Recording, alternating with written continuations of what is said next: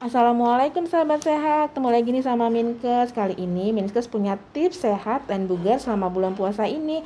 Kali ini bisa ditemenin sama Mbak Ila, ahli gizi rumah sakit Anggrek Mas loh.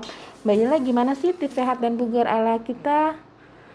Oke, jadi uh, selama puasa ini sebaiknya memang untuk makanan uh, lebih diperhatikan ya. Karena yang pertama puasanya tet uh, puasa itu kita tetap harus uh, makan makanan yang gizinya seimbang seperti asupan karbohidrat, hmm. protein, lemak, say sayuran dan buah-buahan. Uh, terus selain tadi kan dari segi makanan mbak ya kayak hmm. misalnya uh, karbohidrat gitu kan, terus uh, ada makanan pendukungnya dari mulai protein segala macam gitu kan.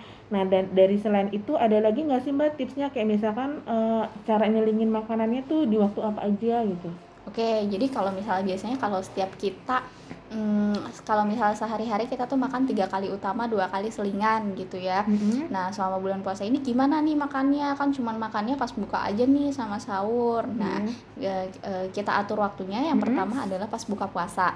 Nah buka puasa pertama itu biasanya kita e, disarankan untuk konsumsi satu gelas air putih dan tiga buah kurma. Atau kalau nggak ada kurma boleh buah-buahan ya. Tidak disarankan untuk konsumsi terlalu berlebihan makan makanan yang digoreng atau kalau orang Indonesia biasanya makan gorengan iya. yang mbak Disah ya uh, apalagi gorengan kan kayak enak banget ya mbak ya itu nggak boleh mbak Iya itu tidak disarankan hmm. karena memang sebenarnya yang hmm. pertama tubuh itu e, lebih membutuhkan e, jenis karbohidrat sederhana ya seperti hmm. kurma atau e, buah-buahan pepaya pisang itu jadi e, tubuh biar nggak lemes oh, mbak Disa ya.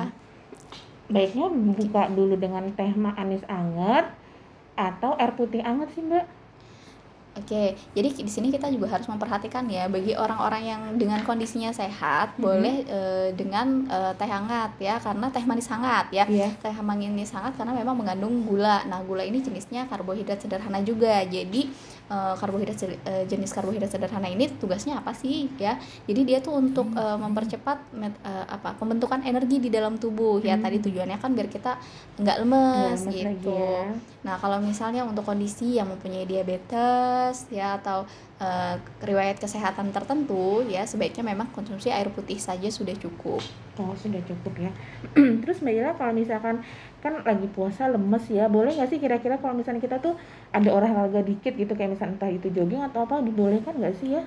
Oh, jadi kalau misalnya olahraga perlu juga nggak sih selama hmm. di bulan puasa gini kan uh, energinya udah eh asupannya nggak ada nih, masa energinya harus dikeluarin gitu lagi kan? gitu ya. Oke. Jadi sebenarnya memang disarankan untuk tetap melakukan olahraga atau aktivitas fisik gitu. Nah, bisa dilakukannya kapan aja? Bisa dilakukannya pertama menjelang waktu berbuka, hmm. ya, menjelang waktu tidur atau sebelum tidur gitu. Hmm. Nah, sebelum sahur gitu. Itu bisa dilakukan aktivitas uh, apa olahraga-olahraga ringan gitu, Mbak Disa. Biasanya durasinya berapa lama, Mbak? Uh, durasinya bisa sekitar 30 sampai 1 jam. Hmm, kalau misalkan kita cuma 15 menit atau 20 menit? 15 menit sampai 20 menit itu nanti cuma pen, ini doang pemanasan oh, doang. Pemanasan aja ya. ya udah berarti kalau misalnya udah olahraga, udah minum konsumsi makanan yang empat sehat lima sempurna kali Mbak Yela ya. Okay. Berarti kita udah tips dan bugarnya udah dapet nih gitu kan ya.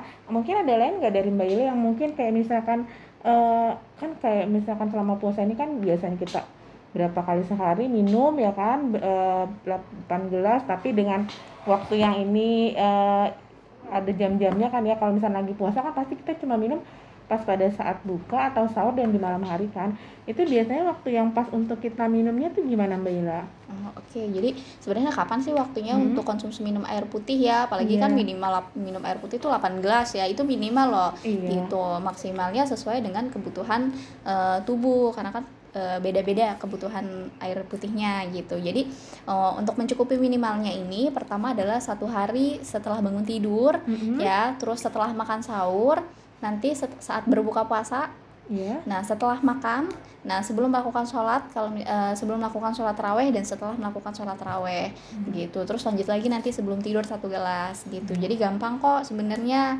uh, bisa lah minimal 8 gelas per hari tuh berarti uh, tercukupi lah semua ya untuk asupan minum kita ya selama iya. puasa ini baik mungkin uh, ada lagi nggak mbak Ila tipsnya selain ini nih atau kita tutup aja dulu nanti kita akan ada tips lagi kali ya Uh, saya rasa sih cukup ya. Cukup ya. Oke, assalamualaikum sahabat sehat. Sekian tips sehat dan bugar alam Mbak Ila Hayati. Selamat sore.